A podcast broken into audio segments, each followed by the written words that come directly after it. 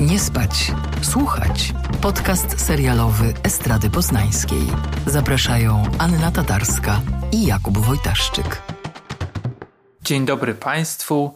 Witamy w 121 odcinku podcastu Nie spać, słuchać. Z tej strony Kuba Wojtaszczyk i na dwa dni przed urlopem Anna Tatarska. Cześć Aniu. No, specjalnie tutaj, wiesz, znalazłam wolną chwilę w moim jakże przepełnionym kalendarzu, żeby porozmawiać z tobą e, o serialu Kuba. Tak, tak. Mhm. Dla odmiany. Dla odmiany, no bo jakże, jakżeby tutaj e, cóż innego robić w naszym e, serialowym podcaście. Z góry również przepraszam za, jakby to ująć, takie walenie w tle. Uwaga, czekaj, aż, aż musi nastąpić suchar. I nie, nie chodzi mi o zwierzęta morskie. E, to jest, ja muszę po prostu, rozumiesz, pokazać gorszy poziom dowcipu, bo potem będziemy rozmawiać o lepszym, bo dzisiaj jest e, o komediowym serialu i to takim nie najgorszym, więc, e, więc, więc ja teraz udowodnię, że nie mam poczucia humoru. Tak, bo mam y, remont y, niezmiennie, co już podejrzewam, że jest jakiś 20 odcinek co najmniej, kiedy to mówię, ale jak to w Polsce y, przy remontach z ekipami remontowymi remont trwa i nie zapowiada się, żeby miał się, się skończyć. Dziś cięcie płytek, pozdrawiam. Ale tak mam wrażenie, że to jest wątek, który by się jakoś wpisał w serial, o którym będziemy mówić, bo tam takich uporczywych, życiowych przypadków, które wiele komplikują jest wiele. Czyż nie? No, y, myślę, myślę, że tak, bo ten serial jest tak bardzo blisko życia, że zdecydowanie y, znalazłoby tam się miejsce również na remonty, które również i u mnie się odbywają. Nieustannie. Dzisiaj będziemy mówić o serialu Życie Beth, Life and Beth. Uh, just a few questions. I can just save you some time. I've had over 30,000 drinks. I don't really chew my food, and I'm like barreling toward 40. I just meant like any pre-existing conditions. I'm a woman. Serial jest um, dostępny na uh, Disney Plus. E, I jest to um, produkcja, której um, matką, założycielką i gra też główną rolę w nim Amy Schumer. Amy Schumer, komiczka y, amerykańska, która mm, jest y, równie genialna, co denerwująca, przynajmniej tak bym ją zdefiniowała na, na swoje własne potrzeby. Tak jak mówiłam y, Ci, Kuba, przed wejściem na, na antenę, trochę mam z nią taki problem, że z jednej strony ją bardzo podziwiam, za wiele rzeczy, które robi w swojej komedii, za przekraczanie pewnych tematów tabu, za naświetlanie, nagłaśnianie pewnych spraw ale też czasami po prostu zwyczajnie mnie wkurza i nie wszystko, co robi, mnie śmieszy. Jej dowcip jest taki, powiedziałabym, grubą kreską um, rysowany i czasami to są takie po prostu mocne kabaretowe gagi i też aktorsko oparte na takiej mało subtelnej e, grze, dość wyrazistej mimice. I takie to jest czasami właśnie bardzo kabaretowe w takim polskim, przaśnym sensie. Więc bałam się tego serialu. On teoretycznie powinien być taki dla mnie, a, a bałam się, że nie będzie i na szczęście był. No, normalnie rozjaśniłam wszystko. Bardzo. Zanim dojdziemy do streszczenia tego serialu, i dla mnie ciekawe jest to, jaki taki mm, skręt, może tak, e, obrała kariera Schumar, bo faktycznie, tak jak powiedziałaś, e, ona do tej pory słynęła z takiego mocno autoironicznego humoru, takiego po prostu jechaniu na, na sobie i e, od jakiegoś czasu pokazuje, jakby może inaczej, sięga tak głębiej do siebie, e, w swoje takie mroczne jakieś rejony, może przypracowuje pewne rzeczy i jednocześnie to jest fajne, ale z drugiej strony mam takie wrażenie, że ten autoironiczny humor wcześniej był jakimś takim, taką zbroją, i jakby przez niego nie dopuszczała do końca odbiorców, odbiorczyni do siebie, no ale z drugiej strony każdy ma jakieś etapy w swojej karierze, każdy artysta, każda artystka, więc być może to był jakiś taki mm, sposób, wiesz, na odnalezienie się na scenie y, komicznej. No myślę, że to jest bardzo możliwe i oczywiście my nie, nie mamy kompetencji, żeby robić tutaj Emi Schumer sesję terapeutyczną czy, czy, czy jakąś psychologiczną e, analizę, ale ponieważ w tej jej scenicznej i też filmowej, serialowej personie jest sporo tropów takich autobiograficznych, możemy mieć pewne pomysły i wnioski. E, I myślę, że zarówno e, jej hitowy serial komediowy Inside Amy Schumer, który był realizowany, emitowany w latach 2013-2016, jak i te późniejsze filmy, niektóre z nich myślę, że no, bardzo duże hity komercyjne, szczególnie tutaj mam na myśli Wykolejoną z 2015 roku, oryginalny tytuł Trainwreck, Potem na pewno gorsze w sensie filmowym o wiele babskie wakacje, Snatched z Goldie Hawn. No i znowu, już znowu nieźle, nieźle, czyli film Jestem taka piękna. I feel, uh, I feel pretty. To były wszystko opowieści o um, kobietach, które gdzieś tam zmagają się z podobnymi problemami jak ona sama, bo ona o tym mówi otwarcie, czyli między innymi e, bardzo znany, mam wrażenie, większości kobiet e, wątek, e, opresyjny system wymagający jakiegoś jednego właściwego modelu kobiecości, do którego ona nie pasuje, zarówno ze względu na jej charakter i to, jaka jest, i że głośno mówi, że się głośno śmieje i że nie jest elegancka, delikatna i wysublimowana ale też y, ze względu na, y, na rozmiar. Ona ze swojej jakiejś tam, nie chcę powiedzieć walki, bo to brzmi tak agresywnie, tak, a ja jestem tutaj front body positive, przynajmniej się staram być, bo wiadomo, że to jest y, trudne i właściwie, właściwie nie do zrealizowania, ale, ale przynajmniej w teorii. No ona jakby z tych swoich zmagań z ciałem też, też robiła zarówno temat właśnie w, w swojej komedii, jak i, też, jak i też w wywiadach. To jest coś, z czym często zmagają się, się te bohaterki. E, w bardzo, w bardzo różny sposób. Akurat w życiu Beth mam wrażenie tego nie ma, co też jest znaczące, ale o tym za chwilę. Więc e, tu już nakreśliliśmy mniej więcej, kim, kim jest Amy Schumer. Dla tych, którzy jeszcze do tej pory nie skumali, to możemy powiedzieć, że to jest też ta pani, która prowadziła w tym roku, współprowadziła w tym roku Oscary, aczkolwiek myślę, że to był jeden z jej gorszych występów. I też nie wiem, czy ktokolwiek jeszcze ogląda Oscary, więc może właściwie lepiej, lepiej zajrzeć na IMDb i tam obejrzeć parę trailerów. No, a życie Beth to jest trochę takie życie Amy Schumer, jak, jak już mówiliśmy, jak wszystko wcześniej, tylko w tej Amy Schumer teraz, czyli 40, w prawdziwym życiu 41-letniej, tutaj w serialu nieco młodszej, ale, ale niewiele. Ich życia, jeśli chodzi o, o fakty i skład, że tak powiem, się nie, nie zgadzają, ponieważ Schumer prywatnie od czterech lat chyba jest, jest matką, ma, y, ma partnera, o którym mówi zresztą głośno, że no, jest takim błogosławieństwem w jej życiu, ale jest też dorosłym autystykiem i ona w bardzo fajny sposób y, przy okazji opisywania takiego humorystycznego ich prywatnych interakcji też opowiada o, o tym, jak wygląda życie z dorosłą osobą w spektrum. W tym sensie jest no, taką, powiedziałabym, edu, edukatorką. No więc y, filmowa bez, serialowa bez nie ma y, dzieci, chociaż jest już wiesz w tym wieku, że, że, że może by wypadało, powinna, nie? Nie ma, nie ma męża, ale jak ją poznajemy, to ma, y, ma partnera i jest y, no, w pewnym sensie w jakiejś tam skali kobietą sukcesu, chociaż pewnie w skali nowojorskiej y, nie aż tak bardzo, bo bo tam właśnie na początku rozgrywa się akcja. Bez pracuje jako handlowiec, handlowczyni, e, sprzedaje wino. Firma, w której to robi i wina, które sprzedaje, to nie jest jakby najbardziej wysublimowany e, produkt i też można odnieść wrażenie, że to nie jest praca, którą ona kocha że ani nie rozumie do końca produktu, który sprzedaje, ani, ani nie ma takiego serca i pasji do tego, do tego, co robi, szczególnie, że w pracy spotyka się z bardzo wieloma takimi po prostu jakimiś biznesowymi partnerami, którzy są powierzchowni, te interakcje są takie powiedziałabym smutne i stereotypowe i, i mało w tym życiu jest radości. No i też mało radości w związku, e, bo e, Beth jest w związku z Mattem e, w tej roli Kevin Kane, który jest takim hura optymistycznym posterbojem tej winiarskiej e, firmy, w której, e, w której pracują. Sprzedaje, bije jakieś tam rekordy. Zresztą w ogóle między tą parą jest też jakiś rodzaj rywalizacji, nieco chorej powiedziałabym. On, e, on jest też od początku tak portretowany, ten mat, że tak jakby za dobrze wygląda jak na bez. Mam wrażenie, że tam jest, jest jakaś taka za, zawarta sugestia w tym, żebyśmy sobie pomyśleli, że on jest za przystojny jak na taką partnerkę, i oczywiście potem to zostaje jakoś tam wywrócone, kiedy okazuje się, że Beth jest w całej swojej niedojrzałości nieco bardziej dojrzała i odważna i, i emocjonalnie spójna niż, niż właśnie Matt, który się w pewnym momencie totalnie gubi. Jest tam jeszcze kilka bardzo ciekawych, e, bardzo ciekawych postaci. Ann e, w tej roli Susanna Flood, e, to jest siostra Beth, młodsza siostra, która mieszka w tym momencie na Long Island. Skąd one zresztą pochodzą i powrót w tamte okolice też będzie takim wątkiem, wątkiem później.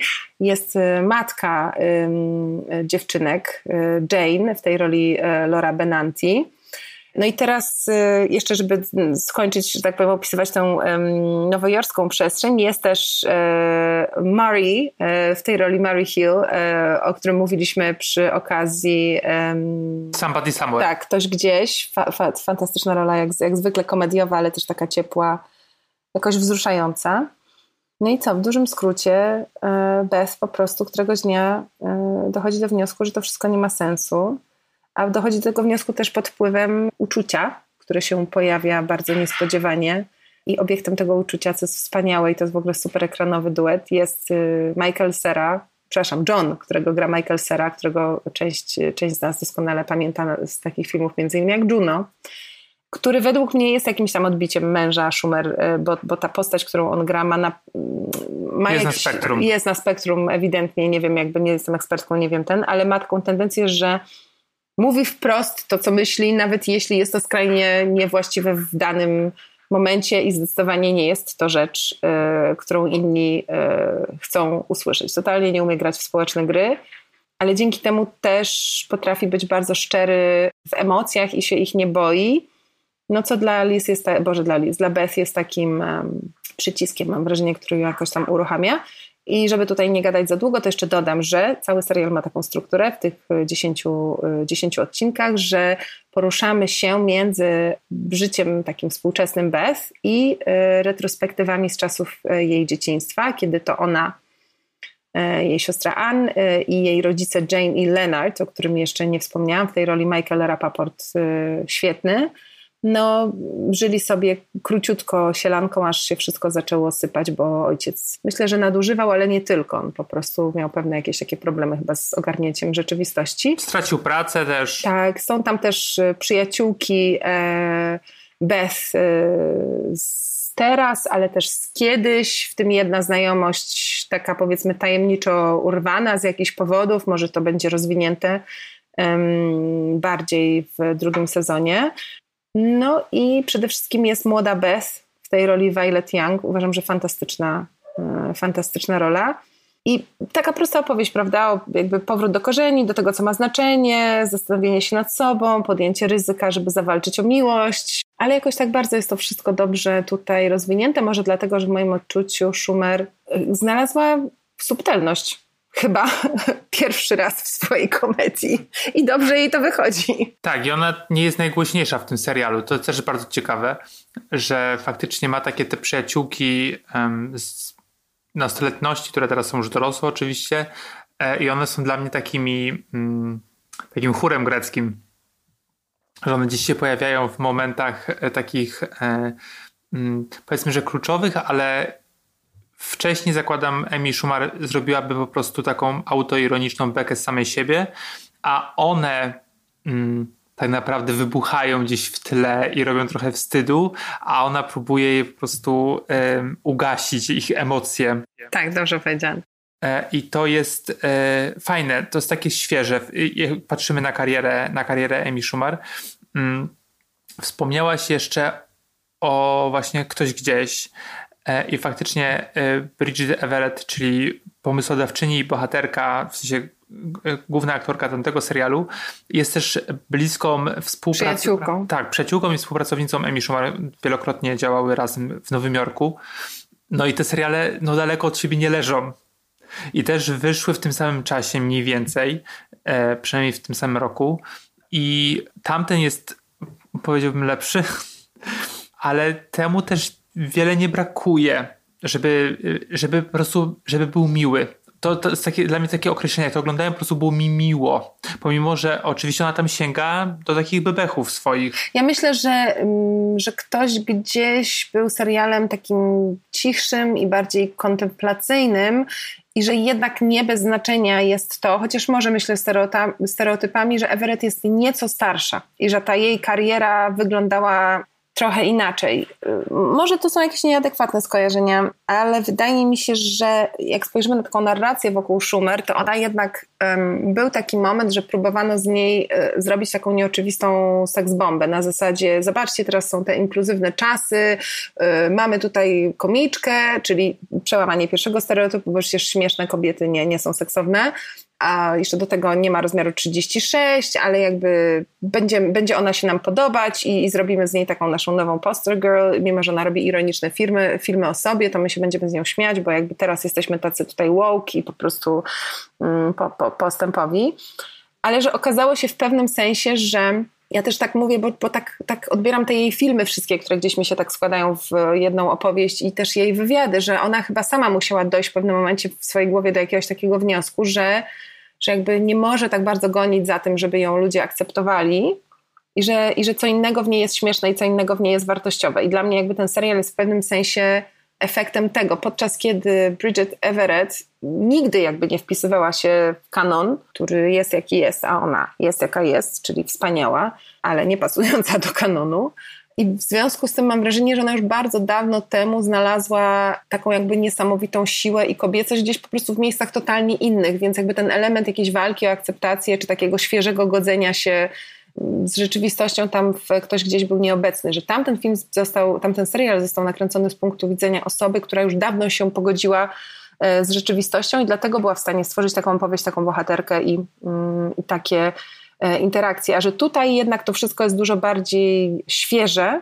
Co prawda Schumer właśnie, tak jak mówiliśmy, wplata w ten serial bardzo dużo wątków autobiograficznych, bo zarówno w historii jej rodziców i w problemach jej ojca, e, ale też e, no, w tej głównej bohaterce i w różnych jej, jej, jej perypetiach w tej relacji jest bardzo dużo nawiązań do, do, do jej własnych mm, doświadczeń, ale to jest jeszcze nieco bardziej dziewczyńskie, chociaż jak na Schumer to jest bardzo dojrzała produkcja i tak myślę, że to jest właśnie taki kolejny przymiotnik i kolejne określenie, które sprawia, że, że ten serial mi się tak dobrze oglądało, bo po prostu miałam wrażenie, że ona trochę dojrzała.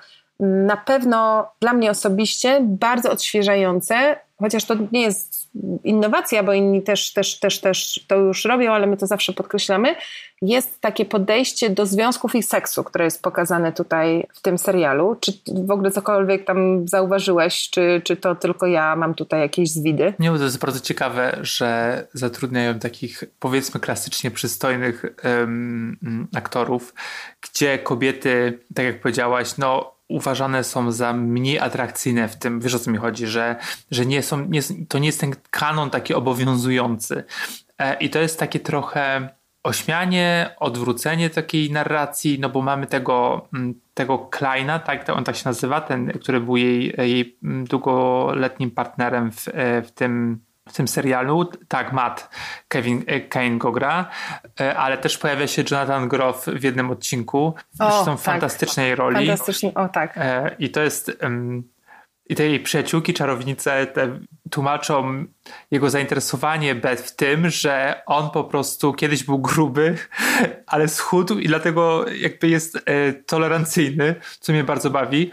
I mm, to też jest bardzo ciekawa postać, e, bo on żyje na tym Long Island, który, gdzie cały czas jest taki, mm, takie poczucie gorszości w stosunku do Nowego Jorku.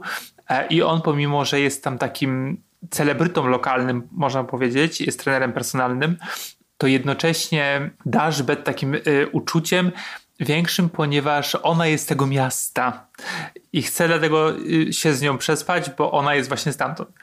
Bardzo fajny odcinek zresztą, bo on w pewnym momencie mówi no to zapraszam cię do mnie, ale mam bałagan.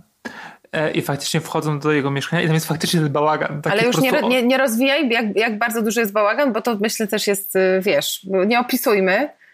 No ale powiedzmy, że to, nie, to jest takie określenie po angielsku bachelor's pad. Y, w domyśle, że wchodzisz y, z seksownej randki, a tam po prostu, nie wiem, rozwalone PlayStation i brudne skarpety to jest takie bachelor's pad do, do potęgi. Którejś, którejś potęgi.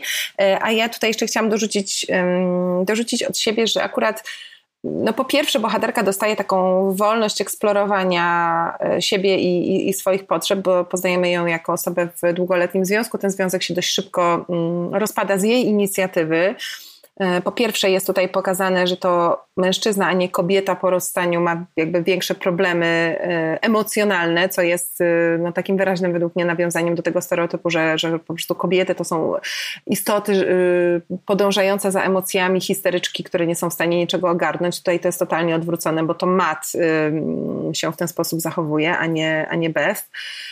No i po drugie, Bez na tej swojej jakby nowo-singielskiej drodze też popełnia pewne błędy, zanim mm, wejdzie w nowy związek, który zdecydowanie również nie jest idealny, jest pełen wyzwań i przede wszystkim wymaga od niej bardzo dużej szczerości i tego, żeby przestała grać rolę. To jest chyba dla niej, dla niej najtrudniejsze, bo gra rolę właściwie całe, całe życie, odkąd grała rolę doroślejszej niż jest przed ojcem pewnie, bo, bo tego wymagały mm, trudne sytuacje w przeszłości.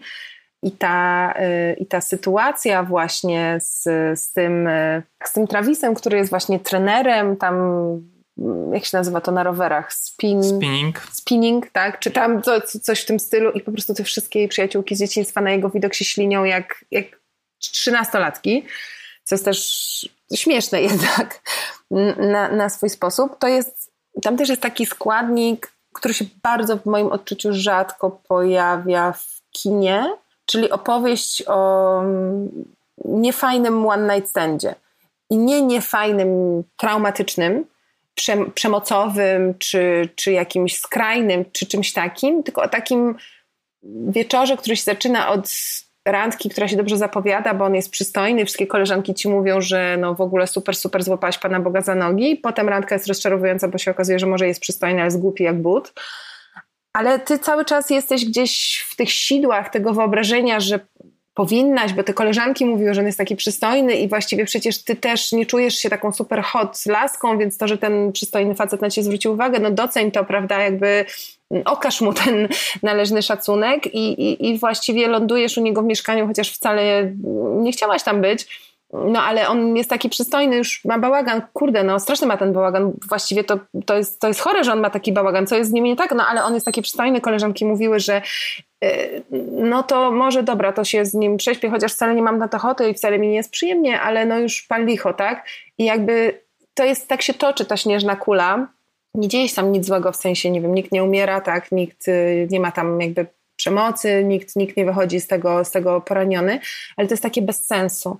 E, pod presją też jakąś własną, własnych wyobrażeń, własnych kompleksów, e, pre, presją grupową.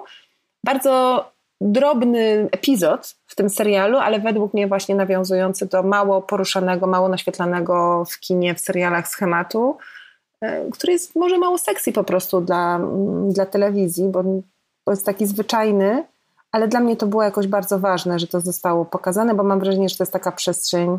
Niezagospodarowana. Tak, no i też to, że ona potem, wiesz, nie wychodzi z tego z jakąś traumą, tak, to nie jest wydarzenie, które rzutuje na jej całe życie, to się dzieje tam, nie wiem, w trzecim odcinku.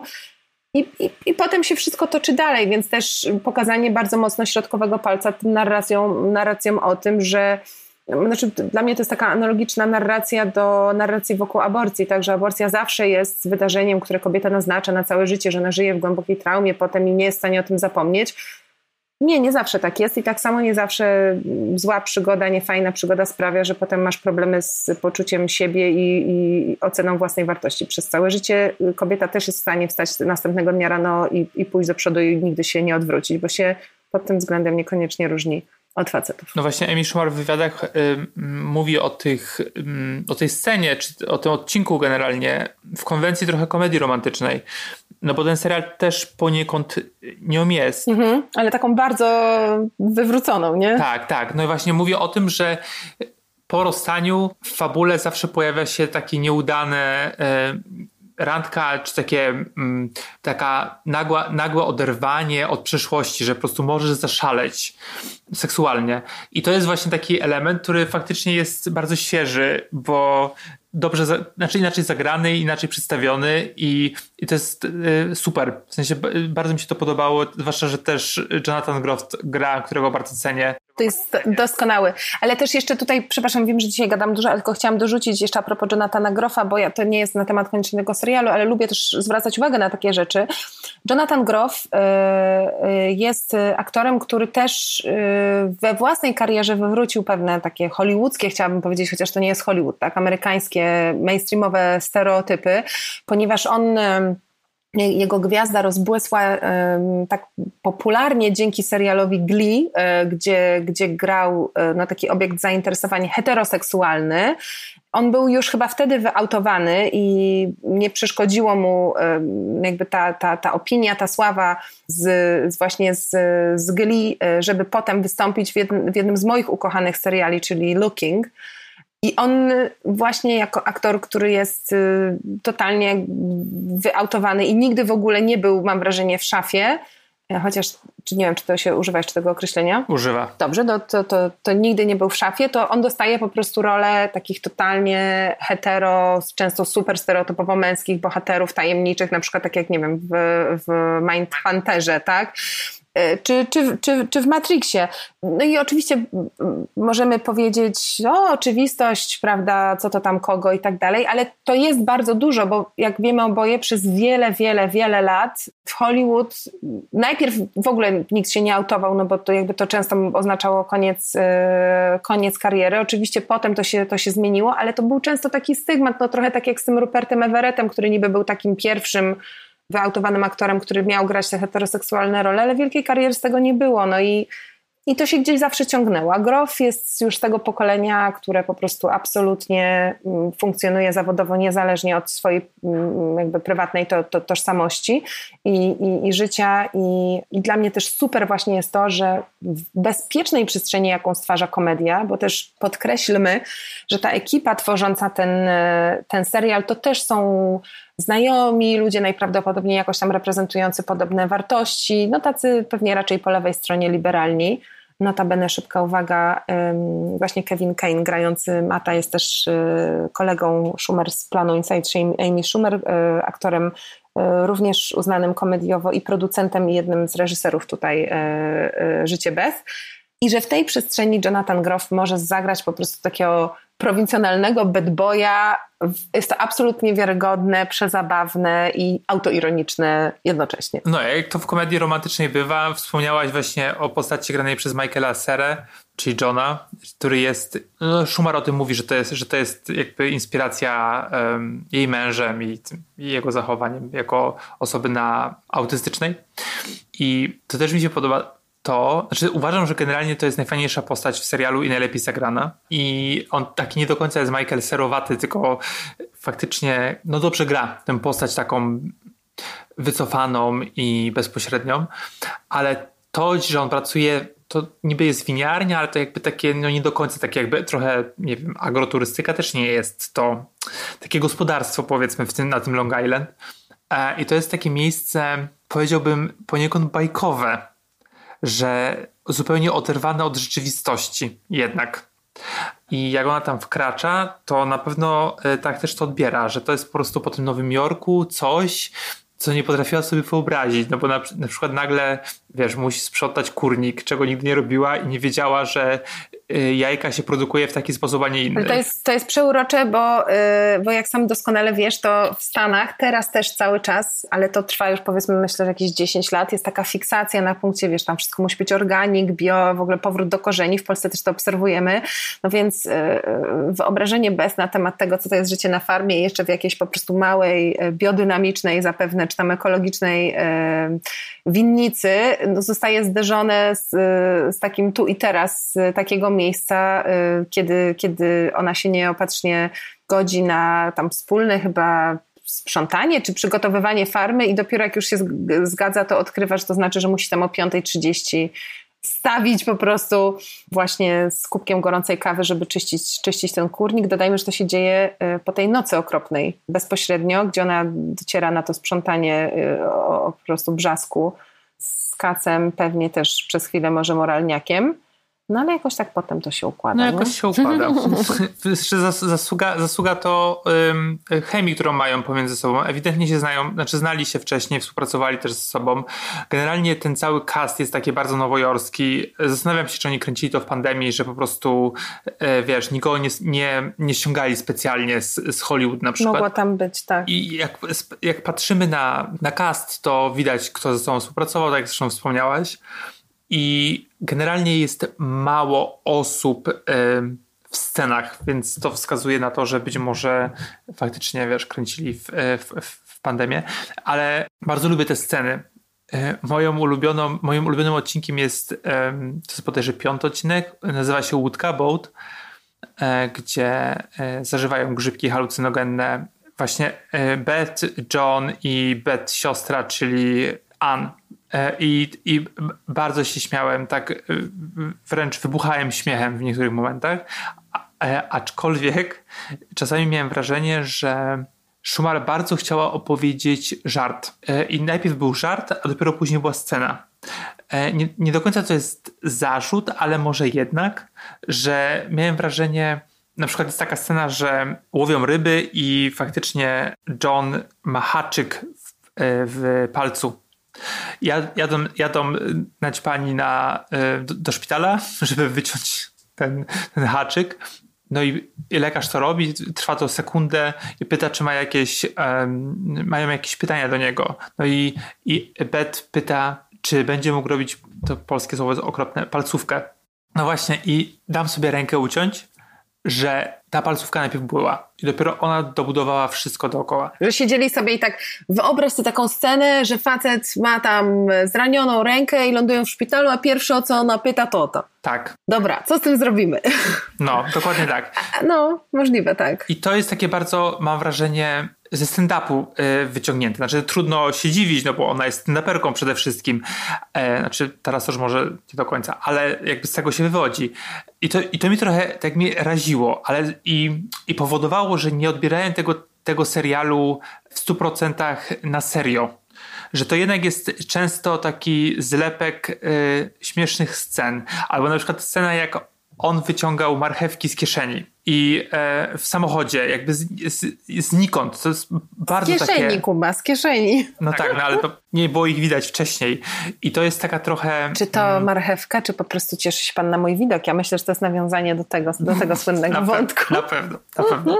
To bardzo, to bardzo wszystko takie slapstickowe było wręcz i to było śmieszne. Ale jak patrzysz na serial komediodramatyczny, no to jednak zgrzyta. Ale wiesz co, powiem Ci tak, ja rozumiem Twoje tutaj wątpliwości, bo ja mam podobne. Z drugiej strony myślę, że to jest wpisane w sposób, w jaki Schumer się komunikuje z widzem właściwie od samego y, początku. Ona jest bardzo mocna w gagach i chyba częścią tej jej komediowej narracji jest taka metoda, gdzie ona tak wali coś prosto z mostu, potem jest taki krótki moment dezorientacji, y, potem dopiero się śmiejemy i potem dalej. I mam wrażenie, że w tym serialu działa to podobnie, że rzeczywiście to są takie jakby skoki punktowe od, od, od gagu, od żartu do, do, do jakby akcji. Mm, I można byłoby, prawda, powiedzieć, że mało jest to takie dojrzałe filmowo, jeśli chodzi o warsztat y, mm, scenariuszowy. Z drugiej strony myślę sobie, że to się jednak jakoś sprawdza. Tak bardzo mi to nie przeszkadza, ale udało się im znaleźć w tym taką emocjonalną prawdę, która właśnie mimo tych takich czasami grubych, y, czy też bardzo takich pokazowych, komediowych e, momentów, no naprawdę jest imponująca. Jest w tym filmie, w tym co już mówię w filmie, jest w tym serialu też taka, taka delikatność, taka subtelność, jest miejsce na bardzo nieoczywiste emocje, chociaż one są czasami tylko zasygnalizowane. No więc w tym sensie dla mnie jest to sukces, bo masz produkcję, która jest łatwo przyswajalna, krótkie odcinki, na pierwszy rzut oka lekka forma, i w tej lekkiej formie, bez traumatyzowania ciebie i bez wymagania, żebyś po prostu odrzucił wszystko i, i się wyłącznie zapadł w ten, w ten świat, dostajesz jednak trochę czułości, trochę wzruszeń, trochę terapii, trochę powodów do refleksji. No, dla mnie to jest tak taki e, naprawdę spory sukces. Ja uważam, że dużym sukcesem jest to, że, bo wśród tych przyjaciółek jej jest y, czarna bohaterka. Ona jest taką jakby główną przyjaciółką. No jest cudowna. Y, Maja. I grają Jam, Jamanejka Sanders, też komiczka y, nowojorska. I bardzo łatwo, i trochę to jest w tym serialu jednak, ale zaraz do tego dojdę, można byłoby zrobić z tej postaci taką, wiesz, głośną czarną przyjaciółkę, taką stereotypową, jak to bardzo często w filmach czy serialach bywa, po prostu, żeby pokazać, że oni jesteśmy rasistami e, i mamy czarnych bohaterów. I tutaj bardzo duża zasługa wydaje mi się, że Sanders, ale też Schumer, że ta postać taka nie jest. Oczywiście bywa, ale bardzo szybko y, twórczynie czy twórcy się z tego wycofują. I są takie fajne sceny, na przykład, mm, no bo ona jest y, czarna, nie jest Żydówką, ale bardzo kocha żydowskich kolesi i z ona nimi się kocha co umawia. innego, ale nie możemy tego powiedzieć głośno. Tak, ale sceny z jej udziałem właśnie gdzieś tam y, balansują na tej takiej ranchy komedii, takiej bardzo takiej stereotypowej bym powiedział, ale jednocześnie no nie do końca, że gdzieś tam y, jej umiejętności aktorskie i też ten scenariusz, y, ta jej postać no jest fajnie napisana i to wydaje mi się, że to jest kolejny taki duży plus tego, tego serialu. A jeszcze chciałbym, bo nie poruszyliśmy tego tematu w ogóle, no bo tak jak powiedziałaś, so, jest wiele retrospekcji. Tak, ja właśnie dokładnie chciałam o tym powiedzieć teraz, tak. Tak, że cofamy się do czasów liceum um, Beth i, no i widzimy, że była bullyingowana w szkole, e, miała jakieś tam traumy związane z dojrzewaniem, z rodzicami. No dobra, no i i co myślisz o, ty, o tym? Ja jestem fanką tych powrotów yy, na pewno w dużym stopniu, o czym, o czym już mówiłam, dzięki Violet Young, która gra młodą Beth. Uważam, że to jest yy, świetna rola i też nie chcę tutaj zabrzmieć, jakbym yy, ją uprzedmiotawiała, tę młodą aktorkę, ale to jest świetna twarz. Naprawdę są takie twarze po prostu, które od razu chwytają y, Twoją uwagę, są bardzo ciekawe i ona naprawdę uważam ma właśnie taką twarz. Co jest też ciekawe y, na wielu zdjęciach, jakie można znaleźć y, w sieci, czy też w innych rolach, które grała, czyli między innymi na przykład Maja, córka Picassa w serialu National Geographic Geniusz Picasso, grała córka Antonio Banderasa, który się wcielał w tamtą rolę. Ona wygląda tak bardzo konwencjonalnie, atrakcyjnie, a tutaj ma taki vibe y, jak Stoda Solonza, takiej po prostu żydowskiej nastolatki, która jakby jest na tym etapie, że już chciałaby być ładna i atrakcyjna, ale koleżanki trochę uważają, że jest nerdem i trochę się z niej śmieją, ale widać, że jest w niej potencjał na to, żeby być, być wspaniałą, tylko tak kibicujesz jej, żeby, żeby znalazła tę swoją drogę.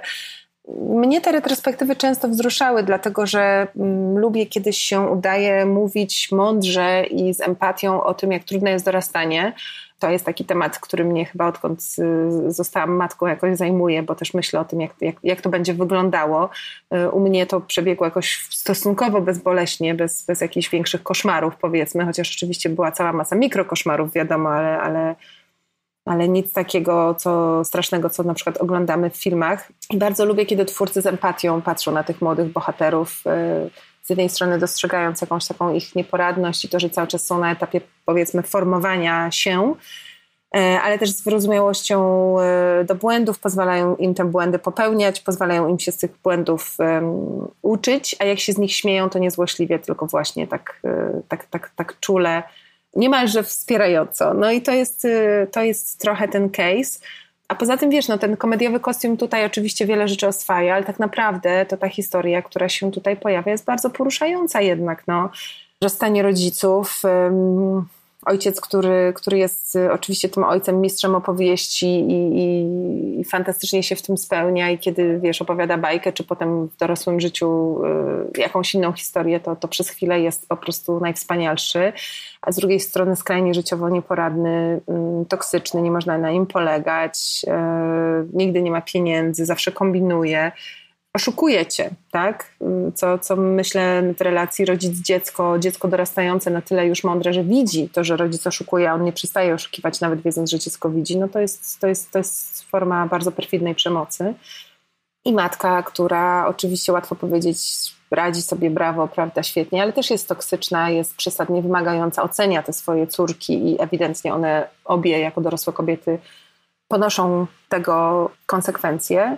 Więc myślę, że to jest taki bardzo empatyczny i stosunkowo zniuansowany, oczywiście znowu, jak na standardy serialu, którego odcinki mają 30 minut i jest to komediodramat, portret y, dysfunkcyjnej rodziny. No. Zgadzam się y, co do Violet Young, że faktycznie jest świetna i no jakby to jest takie małe objawienie też tego serialu. Mnie brakuje tego, co jest pomiędzy. Że jakby nastoletnie, bo oczywiście nie ma na to czasu pewnie, no bo 30 minut, nawet niecałe, zobowiązuje, ale dla mnie to były trochę dwa, są dwa oddzielne seriale.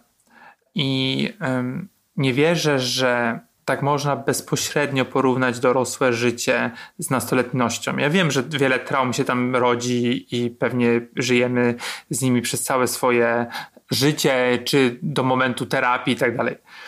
ale no nie wierzę, że jakby nie zmieni...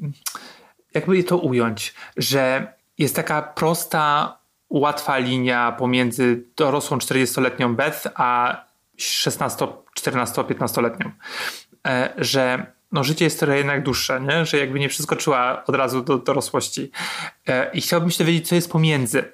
E, I być może to będzie w drugim stronie, nie wiem, czy ten serial został przedłużony, czy nie, e, ale, ale takie przeskoki, wiesz, to było takie zbyt łatwe, że ona nagle teraz mieszka w, w tym domu rodzinnym, i powiedzmy, nie wiem, od, odnajduje swoje pamiętniki i czyta, jak to była licealistką i przypomina sobie te wszystkie traumy. No tak, tak nie wygląda to trochę.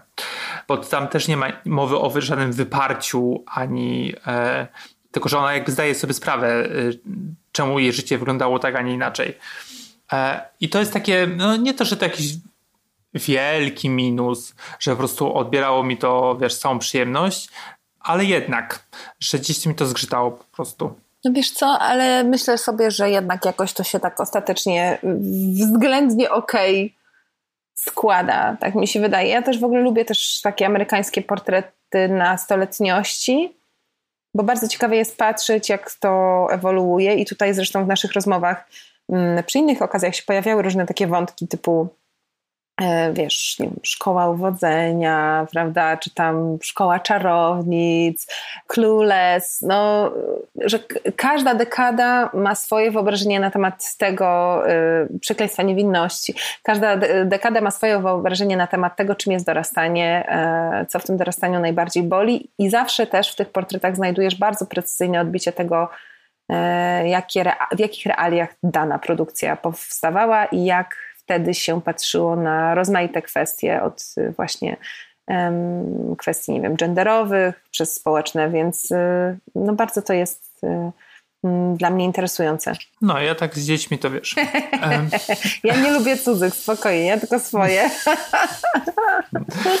nie, ale generalnie tak, to jest bardzo sympatyczne. Ja się zdziwiłem, bo zacząłem i odrzuciłem i faktycznie gdzieś po naszych rozmowach zdecydowaliśmy się ten serial wziąć na tapetę.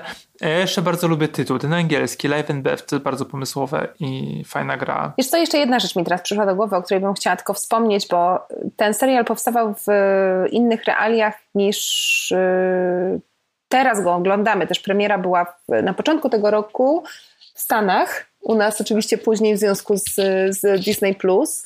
I pewne wątki, które są tak w sumie w nim jakoś dyskretnie zasygnalizowane, ale nie do końca, bo właśnie mm, w, w tej scenie z Travisem, w, właściwie w sytuacji z Travisem, pojawia się też tam e, antykoncepcja awaryjna. I, tak. I, to się tak dzi dziwnie się to odbija, biorąc pod uwagę to, co się w międzyczasie zadziało w Stanach, gdzie oczywiście formalnie akurat antykoncepcja awaryjna cały czas jest legalna, nie tak jak u nas e, w Polsce na, na receptę, tylko po prostu możesz pójść do apteki i sobie kupić pigułkę, jak e, antykoncepcja cię, cię zawiodła. Ale mam wrażenie, że jakoś ta scena inaczej się odbija od moich emocji teraz, niż może by to się stało kilka miesięcy temu, bo jakby była była w tym jakaś taka sugestia też jakiejś takiej przemocy ze strony mężczyzny, który zakłada, że, że jak kobieta mówi, że pójdzie, weźmie tę pigułkę, to być może tego nie zrobi. Tak jakby największym jej priorytetem był po prostu rozwód i, e, przepraszam, rozród i, i jak syrena po prostu ściąga mężczyzn, żeby ją zapładniali, a ona będzie po prostu płodzić, płodzić, płodzić i ta Beth, która się tak po prostu patrzy na niego na zasadzie ty idioto, czy naprawdę ci się wydaje, że to jest to, co mnie interesuje, w ogóle puknij się w tę swoją pustą głowę.